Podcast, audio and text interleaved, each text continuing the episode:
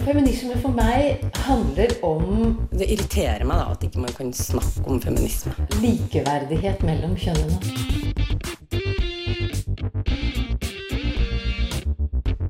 Det blikket på kvinnen på film. handlet det om å bli tatt på alvor som jente.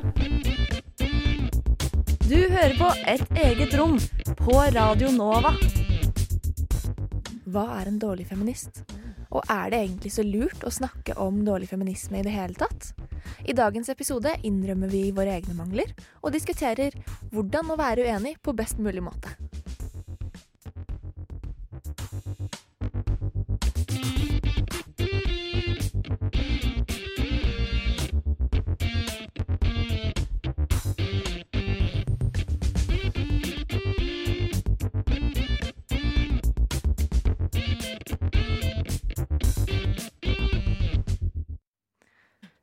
Det vår, Anita? Om det er vår? Eller er det høst? Det føles ut som det er vår, men det er januar. Det er i hvert fall ikke vinter. Men jeg husker ikke sist gang det var en januar uten snø. Jeg føler at Det er liksom like før jeg finner fram olajakka, liksom. Ja, same. Det er eh, Det det i hvert fall er, er mandag. Og det betyr jo et eget rom. Det Ja. gjør det. Eh, Jeg heter Andrea Berg, og jeg sitter her med Anita Kristiansen. Hei! Hei til deg. Velkommen inn i eh, A-studio her på Chateauneuf. Eh, her er det varmt og godt. Og det er veldig intimt. Det er jo mye, mye mindre plass. Ja, Enn det studioet vi pleier å sitte i. Ja. Ja. Eh, for dere som hører på oss ofte, så er dette det studiet som har et vindu til, inn til et annet studio. Som har et vindu ut til verden. Så hvis vi skal se hvordan været er, så må vi liksom Det bøye oss. det blir kronglete. Det er vanskelig. Ja. Um, ja. Men eh, vi skal ikke snakke om været, selv om vi pleier å begynne der. Eh, vi skal snakke om dårlig feminisme Ja. denne sendingen. Og det er liksom en del av eh, noe nytt som vi skal gjøre nå, som er at vi skal ta et lite sånn dypdykk i et litt større tema. ja.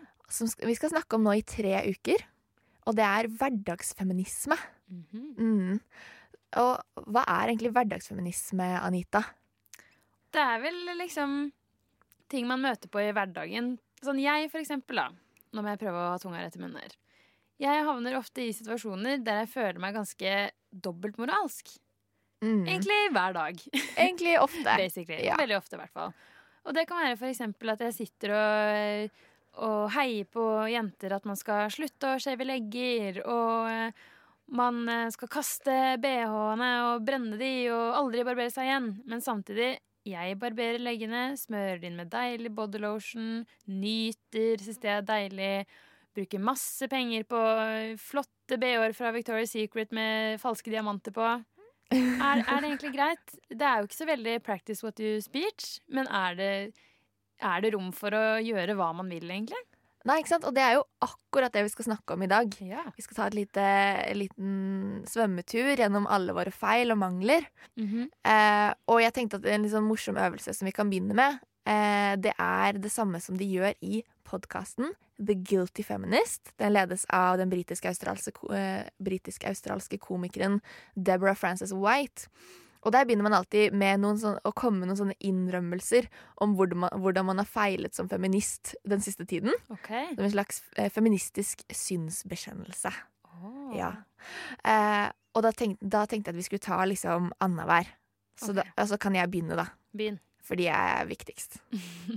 Nei, det er jeg ikke.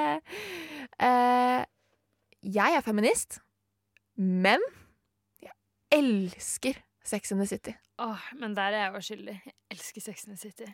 Herregud, jeg har ikke telling på hvor mange ganger jeg har sett alle sesongene. Ok, jeg kan ta min, da. Jeg er feminist, men jeg drikker kun lettbrus. Det må være sukkerfri, ellers så sier jeg nei takk. Jeg har vært vitne til dette. Ja. Kan bekrefte. Jeg er feminist, men jeg har brukt mer av storstipendet mitt denne måneden på Vogue enn på skole skolebøker. Shit. Det er skikkelig trist. Det er trist. Ok, jeg har en. Den her er litt sånn uh, trist, egentlig. Den er ikke så veldig artig. Men jeg er feminist. Men jeg har flere ganger vurdert å gjøre kosmetiske inngrep. Anita, da. Mange ganger. Det er helt krise. Det ikke bra. Ikke bra. Jeg er feminist, Men jeg har aldri løftet tungt på jobben min i matbutikk. Fordi jeg lar mennene som jobber der, tro at, jeg at jeg er litt sånn skjør og hjelpeløs. Jeg er feminist. Jeg sa det i stad, da. Men jeg er feminist. Men jeg elsker følelsen av nybarberte legger. Same. Ja. Eh, jeg er feminist, men etter at jeg har scrollet nedover Insta en stund, så vurderer jeg noen ganger bare å aldri spise igjen. Uff, jeg håper du spiser. Jeg spiser masse. Bra. Uh, Jeg er feminist, men jeg tar komplimenter fra menn mye mer seriøst enn komplimenter fra andre kvinner. Men du er så smart og flink og fantastisk, Anita. Tusen takk. Jeg burde si det i en litt mørkere stemme, egentlig. Ja. Du er veldig smart og flink og fantastisk. ja, der kjente jeg det mye bedre. Ja, Syns det var bra manneimitasjon? Veldig bra. Ja, Takk skal du ha. Nei, men eh, vi er jo eh, litt dårlige feminister, da, kan det virke som. Ja, det virker jo litt sånn. Men hva er liksom Dårlig er et ganske sterkt ord. Ja, Det er, liksom, det er litt vondt å kalle seg dårlig feminist. Det kjennes For- ikke bra. For dette er jo egentlig bare eksempler på at vi, vi gjør ting som vi ikke føler at helt samsvarer med det vi tror på sånn ideologisk. Ja. Men må man være sånn perfect, liksom? For å Må man liksom alltid walk the talk for å være feminist? Nei, det syns jeg ikke. Jeg kaller meg jo eh, Jeg mener jo selv at jeg er en feminist, men jeg barberer legger. Jeg ser på Sex and the City. Jeg lar av og til gutter behandle meg som trash. ja, Og det er, ikke sant? det er liksom spørsmålet, da. Når er man bare sånn en litt sånn et, en normal person som skal fungere i et patriarkalsk samfunn? Ja. Og når går det så langt at man nesten blir en hykler, da? Og det er jo det vi skal snakke om i dag. Og vi skal eh, være litt strengere med oss selv eh, etter hvert, kanskje. Eh, men vi skal også eh, få høre litt hva ekspertene sier. Eh, blant annet Roxanne Gay, som er en forfatter av boken Bad Feminist. Eh, men først så skal vi få høre sangen eh, 1, 2, 3. Og den er det Ros som synger.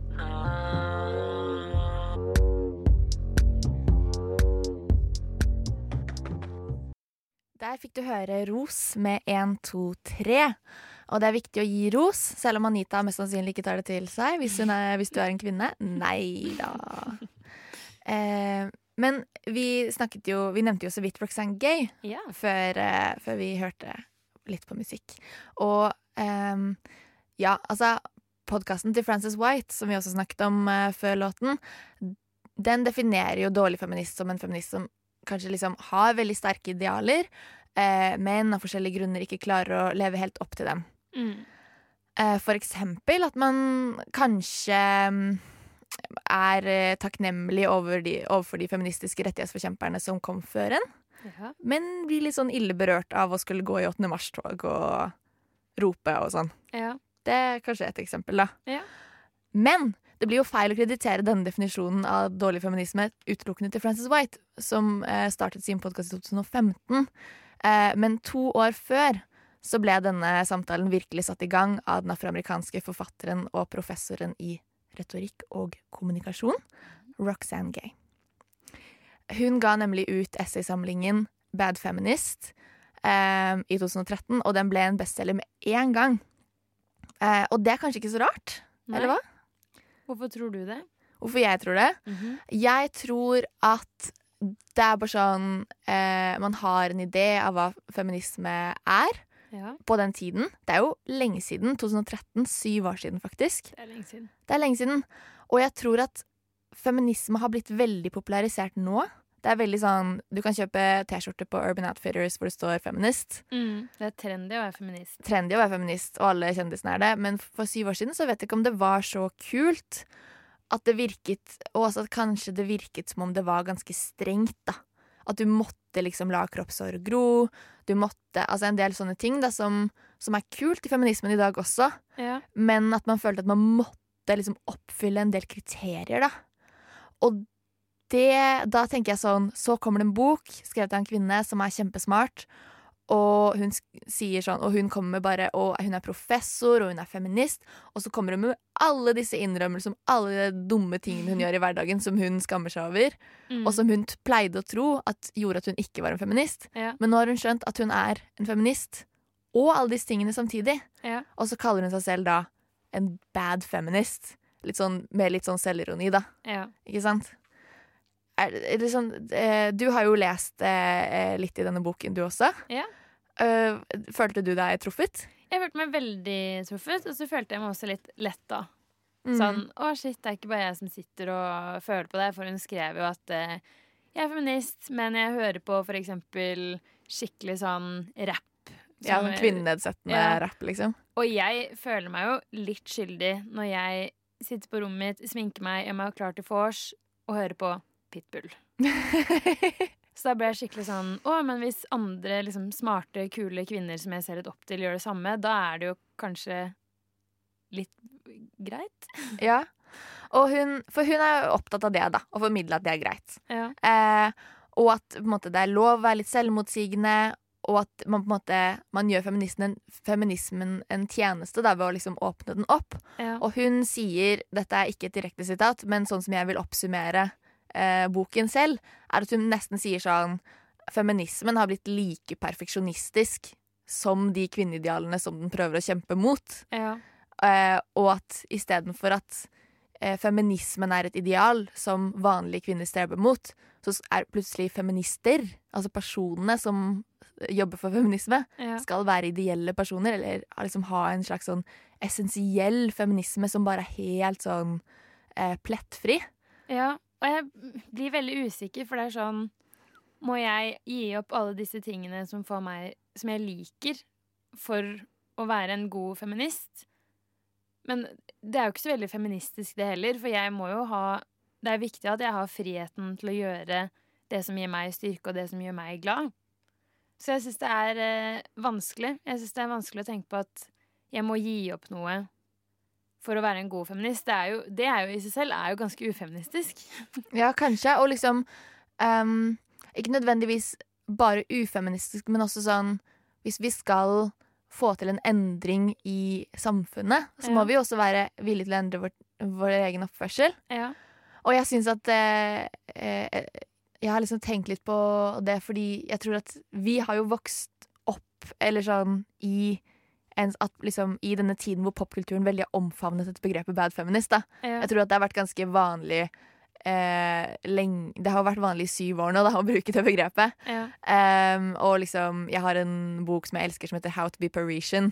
Som er sånn masse franske damer som snakker om hvordan de eh, elsker å bli opp, vartet opp av menn, og at de betaler regningene, men de er kjempefeministiske likevel. Og det, er liksom, det har blitt en sånn popkulturell referanse da, de siste årene. Ja.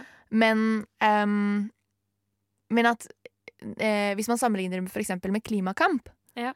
som jo er liksom den moderne eh, debatt, debatten hvor man liksom også møter de samme utfordringene, da. Sånn kan det være klimaaktivist og drikke vann av en plastflaske? Ja. Veldig mange Ja, vil jo sånn, si nei. Um, og jeg var på en, en debatt eh, hvor jeg intervjuet eh, Hulda Holtvedt. Ja. Og da brukte hun nesten halve den debatten på å forsvare at hun satt og drakk av en plastflaske okay. under debatten, når hun egentlig var der for å snakke om eh, de store strukturelle problemene. Og at kanskje Roxanne Gay også gjør, en, gjør feminismen en tjeneste i at hun liksom ta, zoomer ut, da. Ja. At hun sier sånn, vet du hva, det er ikke de små liksom, pirketingene som er viktig. Det er the bigger picture, Ja. det strukturelle. Men er vi hyklere, da? Jeg føler meg jo litt sånn. Av Ja. og til. Litt hykler. For hun eh, innrømmer jo også da i siste utgave av Fett, som handler om følelser, eh, så blir hun intervjuet av Fetts redaktør, som vi også skal høre fra senere i sendingen. Ehm, og der på en måte, ja, sånn halvveis innrømmer hun sånn Ja, hun kan jo liksom forstå litt den kritikken om at hun ikke er helt radikal nok. Men så forsvarer hun det litt med sånn Ja, men vi visste jo ikke i 2013 hvor crazy alt skulle bli. Nei. Hun er jo en amerikansk forfatter. Ja. Og det er jo noe med det, da. Sånn, det er kanskje lettere å være en sånn feminist som ser på Sex in the City i fredstid. Men så nå, i liksom Holdt på å si 2016, det er det ikke, det er 2020. Mm. Så er det bare Kanskje vi må bli litt mer militante. Da. Jeg føler at det er litt stemningen. Til ettertanke. Til ettertanke. Men siden hun er en fabelaktig forfatter, som jeg, alle, som jeg anbefaler dere alle å lese, eh, så tenkte jeg at vi skulle eh, lese høyt et lite utdrag fra Gay sin bok. Eh, og dette er et utdrag som ble trykket i The Guardian i 2014, altså året etter at boken hennes kom ut. Eh, og nå har vi juksa litt, for det har jeg spilt inn fra før. Eh, her er et utdrag fra Bad Feminist. Jeg feiler som kvinne. Jeg feiler som feminist. Å fritt kalle meg selv feminist ville vært urettferdig overfor gode feminister. Hvis jeg er en feminist, så er jeg i så fall en dårlig en. Jeg er et sammensurium av selvmotsigelser. Jeg gjør feminisme feil på mange måter. I hvert fall tatt i betraktning hvordan måten jeg ser på feminisme på, har blitt fordreid av det at jeg er en kvinne. Jeg vil være selvstendig, men jeg vil også bli tatt vare på og ha noen å komme hjem til. Jeg har en jobb som jeg er ganske flink i. Jeg leder ting, jeg sitter i komiteer, folk respekterer meg og ber meg om råd. Jeg vil være sterk og profesjonell. Men jeg misliker hvor hardt jeg må jobbe for å bli tatt seriøst, og for å motta en brøkdel av anerkjennelsen som jeg ellers ville fått. Noen ganger føler jeg et overveldende behov for å gråte på jobb, så da stenger jeg døren til kontoret mitt og slipper følelsene fri. Jeg vil være en leder, respektert, ha kontroll, men jeg vil også overgi meg fullstendig i enkelte deler av livet mitt. Hvem vil vel være voksen? Når jeg kjører til jobb, hører jeg på rapp på høyt volum, selv om teksten er kvinnenedsettende og fornærmer meg dypt. Klassikeren Salt Shaker av Yin Yang Twins. Den er fantastisk. Bitch, you gotta shake it till your camel starts to hurt. Det er poesi. Men jeg skammer meg over musikken min. Jeg bryr meg om hva folk syns. Rosa er yndlingsfargen min. Jeg pleide å si at favorittfargen min var svart for å være kul, men det er rosa. Alle sjatteringer er rosa. Hvis jeg har på meg tilbehør, er det sannsynligvis rosa. Jeg leser Vogue, og ikke på en ironisk måte. En gang live-tweetet jeg septemberutgaven. Jeg elsker kjoler. I årevis lot jeg som om jeg hatet dem, men det gjør jeg ikke. Maxikjoler er noe av det beste som har blitt populært innen moderne motehistorie. Jeg har meninger om maxikjoler. Jeg barberer bena mine. Jeg skammer meg over dette. Hvis jeg har problemer med de urealistiske skjønnhetsstandardene vi måler kvinner etter, burde jeg ikke ha en hemmelig forkjærlighet for mote og myke legger, vel? Jeg vet ingenting om biler. Når jeg tar med bilen til reparasjon, føles det som om de snakker et fremmedspråk til meg. Jeg ringer fortsatt faren min med spørsmål om biler, og jeg er ikke så veldig interessert i å endre på min bilrelaterte ignoranse. Til tross for hva folk tror basert på skrivingen min, er jeg veldig glad i menn. Jeg interesserer meg for dem, og jeg skulle ønske de var flinkere til å behandle kvinner pent, så jeg kunne slippe å kommentere på oppførselen deres så ofte. Og likevel holder jeg ut tull fra uegnede menn, selv om jeg vet bedre.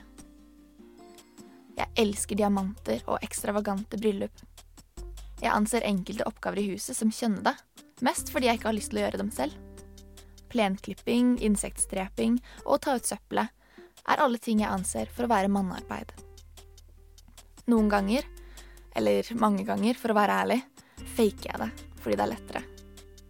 Jeg er en eh, fan av orgasmer, men de tar tid, og mange ganger har jeg ikke lyst til å bruke tid.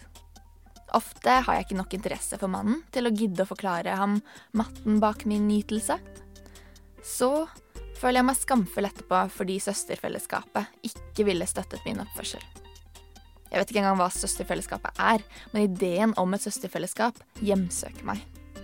I stillhet minner de meg om hvilken dårlig feminist jeg er. Jeg elsker babyer, og jeg vil ha en. Jeg er villig til å inngå kompromisser, men ikke ofre i karrieren min for å kunne ha en baby. For eksempel foreldrepermisjon, å jobbe litt mindre, skrive litt mindre, for å kunne være med til stede for barnet. Det er jeg villig til. Jeg er engstelig for å dø alene. Ugift og uten barn fordi jeg brukte for mye tid på karrieren min.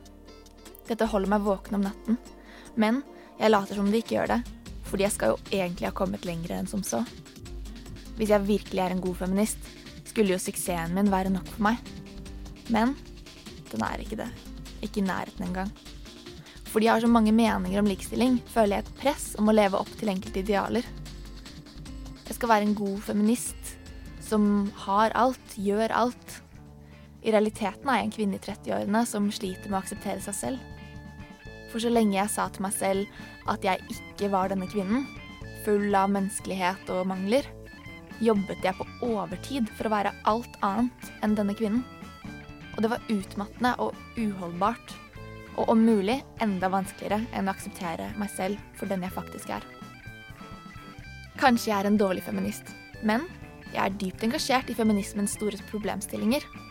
Jeg har sterke meninger om sjåvinisme, institusjonell sexisme som konstant undergraver kvinners arbeid, ulik lønning, skjønnhets- og tynnhetstyranniet, de gjentatte angrepene på reproduktive helserettigheter, vold mot kvinner osv. osv. Jeg er like engasjert i å kjempe for likestilling som jeg er i å kjempe mot ideen om at det finnes én essensiell feminisme. På et punkt fikk jeg det for meg at en feminist var en spesifikk type kvinne. Jeg kjøpte vilt upresise myter om hvem feminister er. Militante, perfekte, både politisk og personlig. Mannehatende og uten humor. Jeg kjøpte disse mytene selv om jeg, på et intellektuelt nivå, selvsagt vet bedre. Jeg er ikke stolt av dette. Jeg vil ikke kjøpe disse mytene lenger. Dårlig feminisme virker som den eneste måten jeg kan omfavne både meg selv som feminist og meg selv. Derfor skriver jeg. Jeg skriver på Twitter om alt som gjør meg sint, og alle de små tingene som gjør meg glad. Jeg blogger om maten jeg lager, ettersom jeg prøver å ta bedre vare på meg selv. Og for hvert innlegg innser jeg at jeg reverserer skader som jeg har tillatt å sitte i meg i mange år. Jo mer jeg skriver, jo mer jeg er åpen om at jeg er en dårlig feminist, men også forhåpentligvis en god kvinne, desto mer åpen er jeg også om hvem jeg er, hvor jeg har feilet og hvem jeg ønsker å bli. Uavhengig av hvilke problemer jeg måtte ha med feminisme, er jeg feminist. Jeg kan ikke og vil ikke nekte for viktigheten og den absolutte nødvendigheten av feminisme. Som folk flest er jeg full av motsetninger, men jeg vil heller ikke bli behandlet som dritt for å være kvinne. Jeg vil heller være en dårlig feminist enn å ikke være feminist i det hele tatt.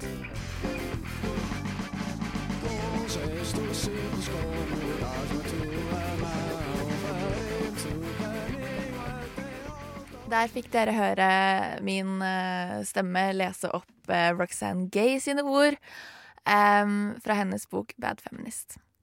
Det som eh, jeg reagerte med da jeg leste denne teksten her, var at jeg syntes det var veldig deilig. Ja. Og det er vi jo litt sånn enig i. Og vi har kanskje Nå har vi jo brukt litt tid på å være enig med henne, ja. og det er jo veldig lett å si seg enig. Man vil jo veldig gjerne være enig. Det er lettere å være enig. Ja. Særlig når hun sier det er lov å være litt feil. Eller Ja. litt, gjøre litt dumme ting. og være litt hyklerisk. Ja. Eh, og jeg er veldig med på sånn Ja, feminismen er jo et eh, liksom det, det er en ideell feminist, og stikkordet er liksom ideell. Vi kan ikke være perfekte. Nei. Men eh, det er jo kanskje litt lett at det blir en ansvarsfraskrivelse også, da. Ja, Vi sitter jo her to ganske privilegerte cis-kvinner her. det er sant. eh, I Norge. Vi er jo i en posisjon til å take a stand. Ja. Være hårete. ja. Syns du vi burde slutte å barbere legger? Jeg, så jeg endrer mening om det hver dag, ass. Ja. For jeg, på den ene siden så syns jeg det er en, en lettelse å møte eh, kvinner, kanskje særlig om sommeren, Ja. når alle er sånn ute på stranden og sånn. Mm. Og så ser jeg en eller annen eh, kvinne som sitter sånn med sånn skikkelig hårete legger på stranden, og da blir jeg sånn Åh, så deilig. ja. Ikke sant? Jeg tror kanskje for noen år siden så ville jeg vært litt sånn æsj. Men eh, Fordi jeg var 13 og dum. ja. men, eh, men nå syns jeg bare det er helt fabelaktig. Jeg føler meg så avslappet og eh, komfortabel rundt folk som tør å tre ut av sånne bokser, da. ja. For da føler jeg at det er litt mindre krise hvis jeg har et hår som jeg har glemt å shave selv. Ja, helt enig, men jeg føler meg litt hyklersk, fordi for meg så går det mye på setting, da. For eksempel, jeg syns ikke det er så farlig å ha nybarberte legger om sommeren hvis jeg skal på stranda eller en tur i byen og sånn. Da kan jeg godt ha litt hår på leggene og et skjørt. Men det er liksom mer det hvis jeg for eksempel skal eh, på en sommerfest. Jeg føler at jeg, Noen ganger så føler jeg at jeg må barbere legger for å se stelt ut. Ja, at det er sosialt forventet. Ja. Det er ikke liksom så veldig mye valg. Nei.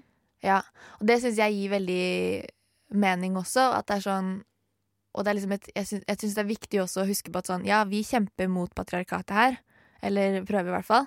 Men vi er Men- jo Ja, vi lever også i det. ja. Vi er også ofre for det, liksom. Men jeg føler at det ofte er en unnskyldning, da. Sånn ja, men jeg, vi er jo offer for det, derfor så Det blir jo òg en ansvarsfraskrivelse, da. Mm. Er det noe som du har liksom endret på i eh, din, ditt liv, da? For å bli en bedre sånn hverdagsfeminist? Eh, ja. Et eksempel er at jeg har absolutt slutta totalt med å kommentere kropp. Ja. Sånn for eksempel før, eh, så kunne jeg liksom si til en venninne sånn eh, Shit, så bra du ser ut. Trener du mye i det siste? Eller liksom Nå er det bare sånn Det er veldig hyggelig å gi kommentarer på andre ting, men kanskje styre unna kropp. Og så har jeg prøvd å bli mye mer bevisst rundt det med liksom å snakke bak ryggen eh, på andre jenter, da. Og det har jeg også blitt mye mer bevisst på. Det er noe jeg prøver å ikke gjøre. Mm. Det syns jeg er skikkelig Det synes jeg er mye viktigere, egentlig, enn den skeive greia. Og et element i det også er jo retten til å kunne velge å shave hvis man vil det. Ja. Feminisme skal jo handle om, om retten til å gjøre hva du vil. Eh, men så er det jo spørsmålet sånn Man må jo kanskje pushe noen grenser for å komme til der hvor de tingene som er liksom upopulære og vanskelige, Ja. blir et reelt valg. Gjør du det? Eh, shaver. Nei. Pusher du eh, Grensene. grensene? Og jeg tror kanskje Jeg tror kanskje jeg har blitt litt lat i det siste. Ja. Okay. At jeg kanskje må tilbake til litt mer pushete oppførsel. Ja. Fordi eh, eh, For eksempel så var jeg en periode veldig flink til å liksom, eh, liksom Hvis noen sa noe problematisk, eh, og liksom ta dem på det, forklare hvorfor det var problematisk. Um, liksom bruke min, den kunnskapen som jeg får herfra, og som jeg lærer rundt omkring, og liksom prøve å videreformidle den. ja. Um, og kanskje også være litt strengere med meg selv. Um, på liksom Ja, men hvorfor skal du bruke masse penger på sminke, Andrea? Bruk det på skolebøker, liksom. ja. Ehm, mens liksom ja, Det er jo slitsomt, da. Krever mye energi. ja. Å gå rundt og hele tiden krangle på ting og, og stritte imot. Men jeg tenker at man trenger ikke alltid ta den kampen. For jeg òg, sånn som Hvis jeg hører noe som eh, Og det ringer en liten eh, alarm, så kan jeg òg sitte og forklare sånn Dette er problematisk på grunn av det og det. Men sånn i det siste så har jeg på en måte vært på en fest, og så hører jeg kanskje noen si noe som jeg reagerer på, men da tenker jeg ikke i dag. Ja. Not by fight. Nei. Ja, og det, jeg syns jo på en måte sånn eh, Det er en balanse mellom å skulle eh, bruke de den situasjonen som vi er i, som er en ganske privilegert situasjon, Mm. til å liksom ta opp viktige kamper. Og også i hverdagen, da. Ja. Eh, men også ta vare på oss selv. Det er liksom der balansen går, da. Og jeg tror at sånn eh, Det er kanskje at det er litt sånn Man søker litt en fasit. Ja. Og liksom Bad Feminist for eksempel gir oss litt en sånn Ja, ja, det er bare å slappe av. Det går bra, liksom. ja. Samtidig som um, det jo, Vi vet jo at det ikke er aktuelt å bare slappe av. Så vi må, Nei, skal man slutte å holdt på å si kjempe, liksom? nei, og skal man liksom um, Jeg føler kanskje Dette vet jeg ikke om hun ville sagt seg enig i, altså, nå er jo ikke Roxanne Gay her, men jeg tror kanskje at hun ville sagt sånn Hvilken musikk du hører på, er ikke så viktig. Det som er viktig, er at du går i 8. mars-tog. At, du liksom, at de, de store verdiene, da. Kanskje også det der med at, liksom, at man ikke baksnakker andre kvinner, at man løfter frem andre kvinner. Mm. Men så er det jo sånn Når du hører på den rappmusikken, så støtter du jo også de rapperne med penger da, og oppmerksomhet. Altså Når jeg danser til Pitbull på klubben, Ja. så er det jo som å si dette er helt greit. Altså action speak louder than words. Så jeg føler jo litt at sånn når jeg står der og bare rocker meg dansefoten, at sånn ah, dette er helt OK. Ja. Men jeg syns jo ikke at det er helt OK. Men er det det samme som å si at det er helt ok? Fordi Mm. jeg syns Jeg er tilbøyelig til å være enig med deg, men det er ganske strengt, da. Ja. Og der er jo kanskje, hvis det er tilfellet, så er jeg jo en superrykler Altså, jeg danser til Pitbull. Ja. Du kan ikke danse til noe litt bedre dårlig musikk, da. Jo, jeg tar eh, gjerne imot forslag til bedre vorspiel-musikk. Bedre sexistisk musikk enn Pitbull. Ja takk. Ja takk. Um, Ja, vi, vi skal ikke spille sexistisk musikk nå. Uh, vi skal høre på Flowers. Det er veldig hyggelig musikk. Ikke noe sånn kvinnenedsettelse. Godt å høre. Ja. Kan danse til det neste gang. Den kan vi danse til. Det er Last Links som spiller den.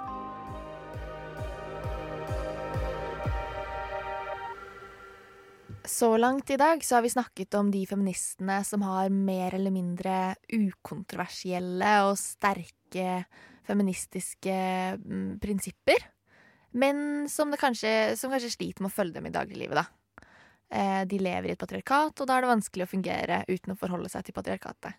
Greit nok. Men eh, hva med de vi kaller dårlige feminister fordi vi er uenige med dem? Det er jo et ganske stort og vanskelig tema i feminismen. Det er mange som ikke snakker med hverandre, både i norsk feminisme og i andre land. Og eh, vår egen Linda Therese Rosenberg hun har vært eh, og møtt Hanne Linn Skogvang, som er redaktør i feministiske tidsskriftet Fett. Og de har snakket litt om det her. Det er jo mange som mener at vi står på en måte inn i en fjerde bølge i feminismen i dag. Og eh, det er liksom interessant, for det er både de som har argumentert for at det er på en måte en slags fortsettelse av den tredje bølgen, som har blitt liksom kritisert i ettertid for at det var sånn individualistisk fokus. Jeg mener nok at det også har en del fellestrakk med den andre bølgen, der du også har en del sånn store kollektive opprør, særlig i Spania, Sør-Amerika og Women's March. USA vitner jo også om det at det liksom det er noe kollektivt i det også. Dette er Hanne Linn Skogvang. Ikke minst så er det mange som snakker om veldig sånn konkrete materielle ting, som er sånn sekstimersdagen, økonomi Redaktør i det feministiske tidsskriftet Fett. Men også liksom mer sånn populærkulturelle og lettbeinte saker, som f.eks. Eh, mensen og eh, representasjon i filmer. Og liksom, så har du på en måte metoo. Nå følte jeg liksom du spurte om to Ja, det gjør jeg ting. sikkert. Så jeg kan ta det første, Ja, det kan ta det første først. Og så kan vi eventuelt, hvis, eh, hvis det går an å Jeg er feminist, men ikke sånn som hun der. Og jeg mener heller ikke sånn eller sånn. Dette er noe jeg har hørt flere ganger. Det virker som at det for mange er like viktig å identifisere seg vekk fra enkeltpersoner og enkeltsaker som det er å identifisere seg som feminist. Menn har jo alltid sagt det. At eh, jeg er for likestilling, men ikke feminist. Eller er ekvivalist, eller ikke en sånn feminist. Det er for så vidt også mange kvinner eh, som sier.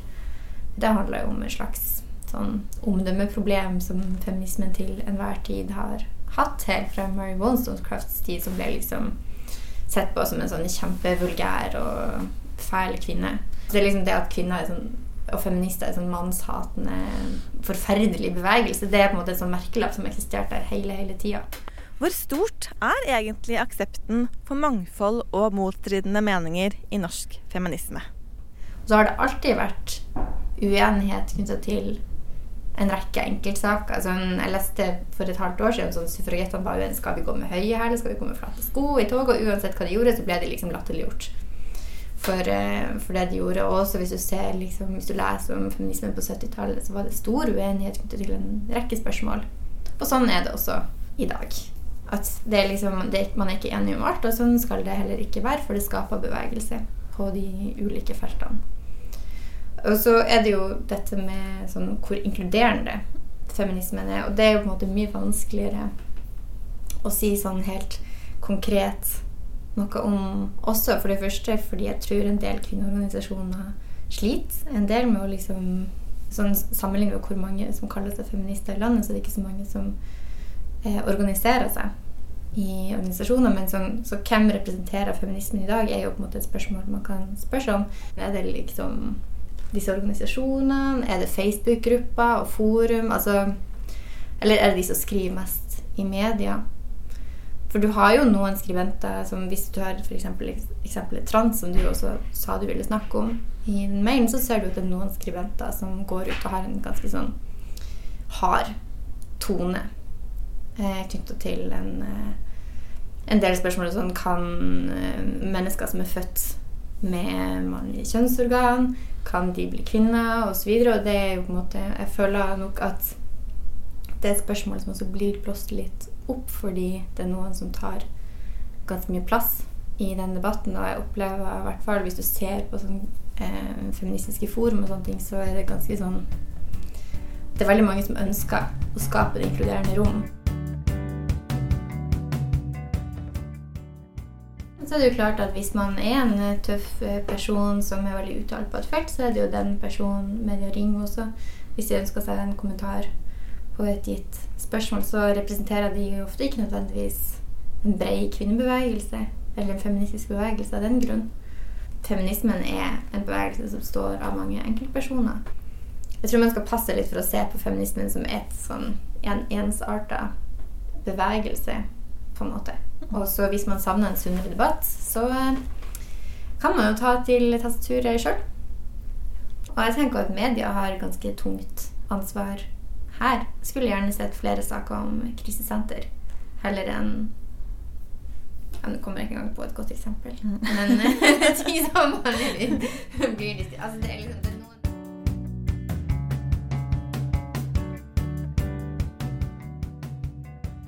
Når er feminismen inkluderende? seriøs inkludering, det handler jo for det første, om det er det mange som også sier, at sånn, det handler ikke bare om å snakke om interseksjonalitet, f.eks., men det handler også om å være interessert i å invitere inn ulike perspektiver. Og eh, akseptere at man ikke er enig om i eh, ett og alt. Det trenger man ikke å være heller, tenker jeg. Jeg prøver alltid å invitere skribenter, f.eks. når vi skal ha en fettutgave som har litt ulik bakgrunn, eller um, på en måte prøve å etterstrebe liksom forskjellige perspektiver i, bladet. Og det er veldig viktig for oss alle sammen som sitter og jobber med dette. Og det kan vi alltid bli bedre på, og vi lykkes i varierende grad fra utgave til utgave også. Jeg tenker det handler om liksom, interesse, nysgjerrighet og faktisk vilje til å høre på noen andre, da. Det fins jo folk som føler seg ekskludert fra feminismen. Det skal man jo ikke kimse av. Og så tenker jeg liksom også sånn Det man har også lov som feminist å si sånn Dette identifiserer ikke feminismen med, på en måte. Jeg synes liksom Vi må ha lov til å kritisere hverandre også. Men med en gang det blir usaklig, selvfølgelig det går på person, eller at man liksom ikke anerkjenner andres erfaringer og opplevelser, og sånn, så er det på en måte noe helt annet igjen, da. Da blir det usaklig uenighet, og da er man jo på en måte over på noe helt annet, som kanskje kan betegnes som ekskluderende. Der hørte du Hanne Linn Skogvang og Linda Therese Rosenberg snakke om feminisme i den norske konteksten. Folk er uenige. Folk er uenige. Det er de. Eh, vi i Et eget rom vi møtes jo en gang i uken for å planlegge sending. Og da eh, Jeg vil påstå at en god stund siden vi har hatt en så god og opphetet diskusjon eh, rundt noe som da vi begynte å diskutere hvem som vi ser på som dårlige feminister. Ja, det er sant. På ekte, liksom. Ikke sånn bare sånn ironisk eh, Roxanne Gay, dårlig feminist-type ting. Nei, the real deal. The real deal. Hvem er dårlige feminister? For real. Eh, for når, når vi har brukt begrepet nå, så har det vært liksom en gåseøyne rundt, en vennskapelig tone, eh, og en selvironi på at vi alle sliter med å leve opp til prinsippene våre. Men det blir liksom noe helt annet når det er selve prinsippene vi er uenig i. Ja. Ikke sant? Um, og vi er jo først og fremst et opplysningsprogram. Og prøver ikke å ha for sterke meninger om ting, selv om det er vanskelig. Men vi har jo eksempel tatt et standpunkt når vi anerkjenner transpersoner sin rett til å leve som det kjønnet de identifiserer seg med. Mm. Eh, inkludert retten til å bruke sine foretrukne toaletter og kjempe for sine rettigheter side om side med cis-personer i de store feministgruppene. Riktig. Men hva da med de som er uenige med oss om det? Er det liksom rettferdig å kalle dem for dårlige feminister? Eller er de simpelthen feminister som vi er uenige med? Eller helt, helt på den andre siden, er de bare ikke feminister i det hele tatt? Ah, Jeg synes det er vanskelig, fordi jeg vil jo beskrive dem som dårlige feminister. Jeg syns jo de er dårlige feminister, de som mener noe annet enn meg. Men samtidig så er det jo ufeministisk å kalle noen dårlige feminister. På et vis. Er det det? Fordi jeg tenker sånn, Det kommer veldig an på hva du legger i feminist. da. Er det um, Jeg tenker at det som skurrer mest for meg, er at en del Altså grunnen til at vi er feminister, er jo fordi vi ønsker likestilling i samfunnet. Ja. Alle mennesker skal ha like muligheter og rettigheter. Um, men da blir det jo sånn Hvis du bare er opptatt av rettigheter for det kjønnet som du selv identifiserer deg med, for den gruppen du selv identifiserer deg med, eh, for eksempel hvis du er en hvit kvinne, da, Mm. og du bare er opptatt av feminisme, men ikke antirasisme, ja. så er du Du er en feminist. Fordi du kjemper jo for likestilling mellom kjønnene, men du kjemper ikke for likestilling generelt. Så du er jo ikke da egentlig opptatt av likestilling. Men må man ta alle kampene? Kan man ikke ha én kampsak? For føler at man, man må kunne ha en kampsak. Det er helt naturlig at man har en sak som står eh, ens hjerte nær, litt nærmere enn andre. Det syns jeg ikke man kan ta noen på. Men jeg syns det er veldig viktig at man anerkjenner andre kampsaker og vet at de er viktige. En som heter Hege Skeie. Ja. Hun var den første kvinnelige professoren i statsvitenskap i Norge. Oi, oi. Ja, feminist. Og hun har eh, et begrep som hun bruker som heter likestillingens vikeplikt. Okay. Og det er at hun mener at likestillingen alltid må vike for andre hensyn. Alle som jobber med likestilling, eh, kan skrive under på det her, mener hun, da. Ikke sant? At eh, hvis du er feminist, så får du hele tiden høre sånn Ja, men hva med min kamp? Hva med Ja. min kamp? Og at det kan bli sånn Ja, men Ja, ikke sant, sånn som du sier, da. Man har jo eh, Skal jo Man har en kamp her. Ja. Skal man Må man også være oppdatert på alle de andre kampene? Jeg tror at hennes poeng er sånn Det er litt sånn typisk, da, at når, når man kommer med en rettighetskamp i det hele tatt, så blir man ofte konfrontert med hvordan den henger sammen med andre. ja. Og Et eget rom beskriver seg jo som et interseksjonelt program av den grunn at vi mener at ting henger sammen. Mm.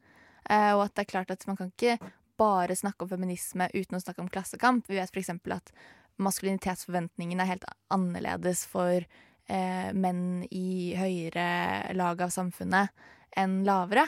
Mm. Um, men det blir liksom dumt også når andre rettighetskamper skal bli et motsvar mot å drive feminisme. Ja, stilt opp mot hverandre på et vis. Ja, og så kjenner jeg sånn Det er morsomt, da, fordi eh, når retorikken som eh, blir brukt, som er sånn eh, For eksempel når noen sier sånn Du kan ikke være feminist uten å være antirasist, da. Ja. Så er jeg veldig tilbøyelig til å være enig med en gang. Ja. Fordi jeg er enig i at folk burde være antirasist. Men for, på torsdag for eksempel, så skrev The Jerusalem Post em, du kan ikke være feminist uten å være sionist. Hva er sionist? Um, ja, sionistene er jo eh, de som kjempet for eh, retten til å returnere da, til Israel eh, Mhm. for eh, jødene etter andre verdenskrig, og også før. Mens det er et mye mer kontroversielt begrep i dag. Ja. Eh, mange bruker det ordet som mener at eh, palestinerne har rett på mye mindre land enn de selv mener at de har rett på. Altså Det er jo en, et mye mye mer kontroversielt begrep. Og da er det jo liksom Da høres den samme setningen helt annerledes ut. da Ja. Fordi alle har jo sine egne krav som de vil stille for hva som det vil si å være en god feminist. Ja. Um, og liksom Ja, det handler veldig om liksom hva Om du er enig eller uenig med det som kommer etter. Du kan ikke være feminist. Og Mm. ja. Og liksom resultatet blir jo at man plutselig ikke kan snakke med hverandre, da. Hvis man setter ned sånne ultimatumer. For eksempel eh, The Women's March i Washington. ja. Den har jo delt seg opp, rett og slett. Det er jo et veldig godt eksempel, og bare å forklare det kort, så er jo OK, let me break it down. Women's March Inc. Det er jo gruppen som er bak den eh, historiske første kvinnemarsjen i DC, Washington DC i 2017. Og senere så er det en gruppe kalt Women's March Alliance. De har å um, Eller de marsjerte sammen med Women's March Inc. Men nå marsjerer de i en annen marsj. Og grunnen til det er at de er veldig uenige i hva og hvem som burde bli representert i marsjene, da. Og det hele starta med at eh, Linda Sarsour, som er medlem av Women's March Inc., hun er palestinsk-amerikansk, og hun deltok på et arrangement arrangert av eh, Farah Khan, og hun dro sammen med medlemmene fra Women's March Inc., Tamika Mallory og Carmen Perez. Og der sa jo Farah faktisk at Hitler var en bra mann, og at eh, Israel er grunnlagt på urettferdighet, tyveri, løgn, og at eh, de bruker Guds navn som et skjold for den skitne religionen. Og eh, hun Mallory la i etterkant ut et bilde på Instagram med Farah Khan med underteksten 'The greatest of all time'. Og naturlig nok, dette skapte jo reaksjoner blant medlemmene i Women's March Alliance, da. Eh, og en talperson fra Women's eh, Inc., March Inc., jeg må jo si det, har sagt at eh, organisasjonen og lederen i den i den organisasjonen er dedikert til å frigjøre kvinner fra alle former for undertrykkelse, inkludert antisemittisme, homofobi, transfobi, rasisme, hvit makt og islamofobi. Men der ble det Det skapte jo voldsomme reaksjoner. Mm. Og så har det vel vært liksom også uenighet om bare hvor mye fokus det skal være på rasisme i eh, liksom, Kvinnemarsjen. i kvinnemarsjen. Ja. Skal det være sånn ren kvinnemarsj, bare kvinnerettigheter som skal være tema? Abort, liksom, og, og Trump og de greiene der? Ja. Eller skal man også liksom eh, ha det eh, Tillate liksom for eksempel Black Lives Matter å ha en viktig rolle i kvinnemarsjen? Ja. Sånne type ting, da. Eh, og da er det blitt eh, delt i to, og disse to mm, togene marsjerer eh, ikke side om side, men i parallelle gater hver for seg, liksom. ja, samtidig. Samtidig. Og det er jo sånn Og det har jo skjedd mange ganger i norsk historie også, at vi har hatt flere 8. mars-tog, og det er jo også de som ikke blir, får eh, parolene sine godkjent, men som går sånn på slutten av toget. Ja. Um, og det jeg, jeg kan kjenne på det um, noen ganger i diskusjoner hvor man skal snakke om sexkjøpsloven. ja. At det kan Oh. bli sånn At da er det sånn med en gang du får vite hva den andre personen mener, uh, så vet du også om du kan ha en samtale med den personen eller ikke. Ja. At det liksom det kan bli så vondt og sårt og vanskelig med en gang, da. ja, det er veldig vanskelig. Men for å ta det tilbake til det der med eh, rasisme, da, så er det sånn um, det er, Jeg tenker eh, Det er forskjell på Det er veldig stor forskjell på å si sånn um, Du har lov til å velge en kamp, sånn som vi snakket om tidligere, da, og som du tok opp. Sånn, OK, kanskje jeg har lov til å uh, si at OK, feminisme er min viktigste kamp, da. Hypotetisk sett. Ja. Men som du sa uh, tidligere, eh, og, men du må anerkjenne at de andre kampene er viktige. Ja. Du trenger ikke kjempe i alle kampene, men du er nødt til å være solidarisk og se viktigheten av å, em, eh, kjempe for flere gruppers eh, rettigheter. Hvis ikke så blir det på en måte bare sånn Altså, hvis du er bare feminist, men ikke anerkjenner at uh, det er, du er i en uprivilegert posisjon, hvis du f.eks. er en transperson, hvis du har uh, funksjonsvariasjoner um, hvis du har vokst opp på østkanten istedenfor på vestkanten, Ja. at hvis man ikke er opptatt av og ikke forstår at det er andre ting som spiller inn i, i hvor mye privilegier privilegier du har i samfunnet, da, Ja. eh, så, forst så forstår du jo heller ikke Så kjemper du jo egentlig bare for en utvidelse av white supremacy, da. Ja, det, men eh, ja. Men på den annen side så kan, tenker jeg man kan si sånn Kanskje det er viktig også å anerkjenne at det er en del av feminismen. At det fins problematiske deler av feminismen. Ja. Og si sånn, ja, det fins noen feminister som ikke anerkjenner Altså som, som kan komme med rasistiske påstander og sånn, da. Og da er det Da må vi deale med det, liksom. Ja. Vi kan ikke bare si sånn Nei, det er ikke oss. Det, jeg tror det er veldig lett når du kjemper en kamp, da, og du skal eh, Du har en mening, du vil et sted. At du blir veldig frustrert når folk trekker i en litt annen retning. At alt føles som en avsporing. Ja. Men hvis du ser på 8. mars-toget, så er det jo bare helt enormt stort meningsmangfold, da. Ja. Eh, og kanskje det hadde vært mer konstruktivt hvis man hadde enda større meningsmangfold. Ja. Så, og det eh, sier jo også, så redaktør Skogvang, at eh, kan, det blir for lite å snakke om bare eh, interseksjonalitet. Når Ja. man snakker om mangfold, man må også snakke om reelt meningsmangfold. Ja. Um, Mm. Men er det meningsmangfold eh, hvis du kommer med eh, transfobiske påstander, eller er det bare hatprat? Vi har jo noen kvinnegrupper som eksempel ikke aksepterer transpersoner i Norge. ja, og det kan jo bli sett på som ufeministisk.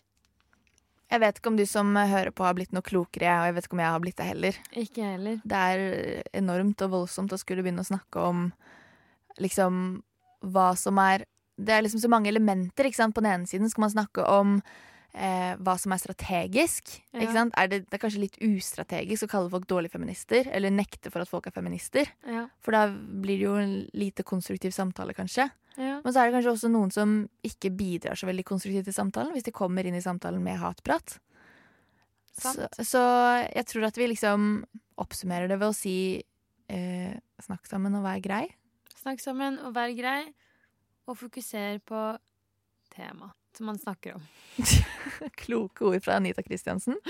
Men Anita Kristiansen har også forberedt ukens feministiske nyheter. Ja. Det gleder jeg meg veldig til å høre. ja. Først ei lita trudelutt. Can I begin?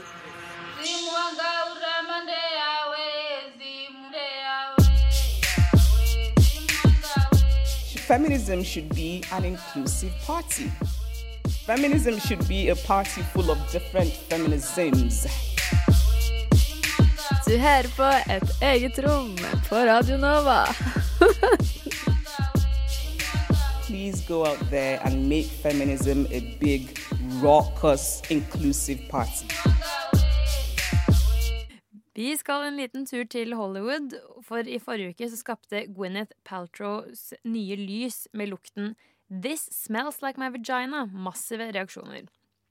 I kjølvannet av dette ble superstjernen også invitert til talkshowet Seth Mayers, hvor hun snakket om lyset med det noe spesielle navnet. I intervjuet med Mayer sier Paltrow at navnet på lyset satte seg etter at hun og samarbeidspartneren og parfymøren Douglas Little først lo av det. Så sier hun jeg tullet åpenbart og la til navnet eh, fordi det føltes litt punk rock. Men selv om Paltrow hevder at det hele startet som en spøk, skal det også ligge en dypere mening bak.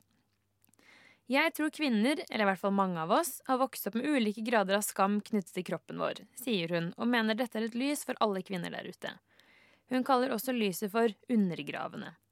Lyset, som ble utsolgt med en gang, har en lukt som beskrives som en morsom, sexy og vakker, uventet lukt.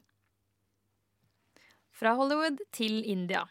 Siden tidlig i desember har det vært store protester i India mot en ny lov som går ut på at mennesker som flykter pga. religiøse grunner, ikke lenger får indisk statsborgerskap.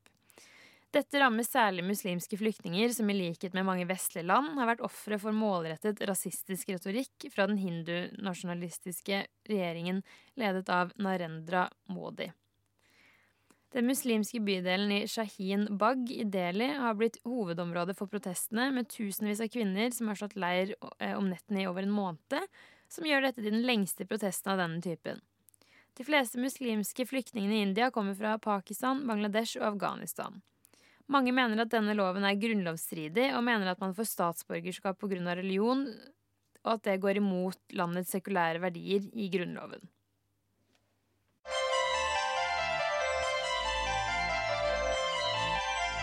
I like to joke about the man box, which is like you can only be a man if you fulfill these certain qualities and you stay within this mm-hmm. square. Du hører på Et eget rom på Radio Nova. Some of the best feminists I know, man. Du har hørt på Et eget rom. I studio så var Anita Kristiansen og jeg, Andrea Berg. Vi hørte også stemmen til Linda Therese Rosenberg, som eh, snakket med redaktør Hanne Linn Skogvang i feministiske tidsskriftet Fett. Takk for at du hørte på i dag. Du kan også finne oss på Instagram og Facebook. Ha det bra!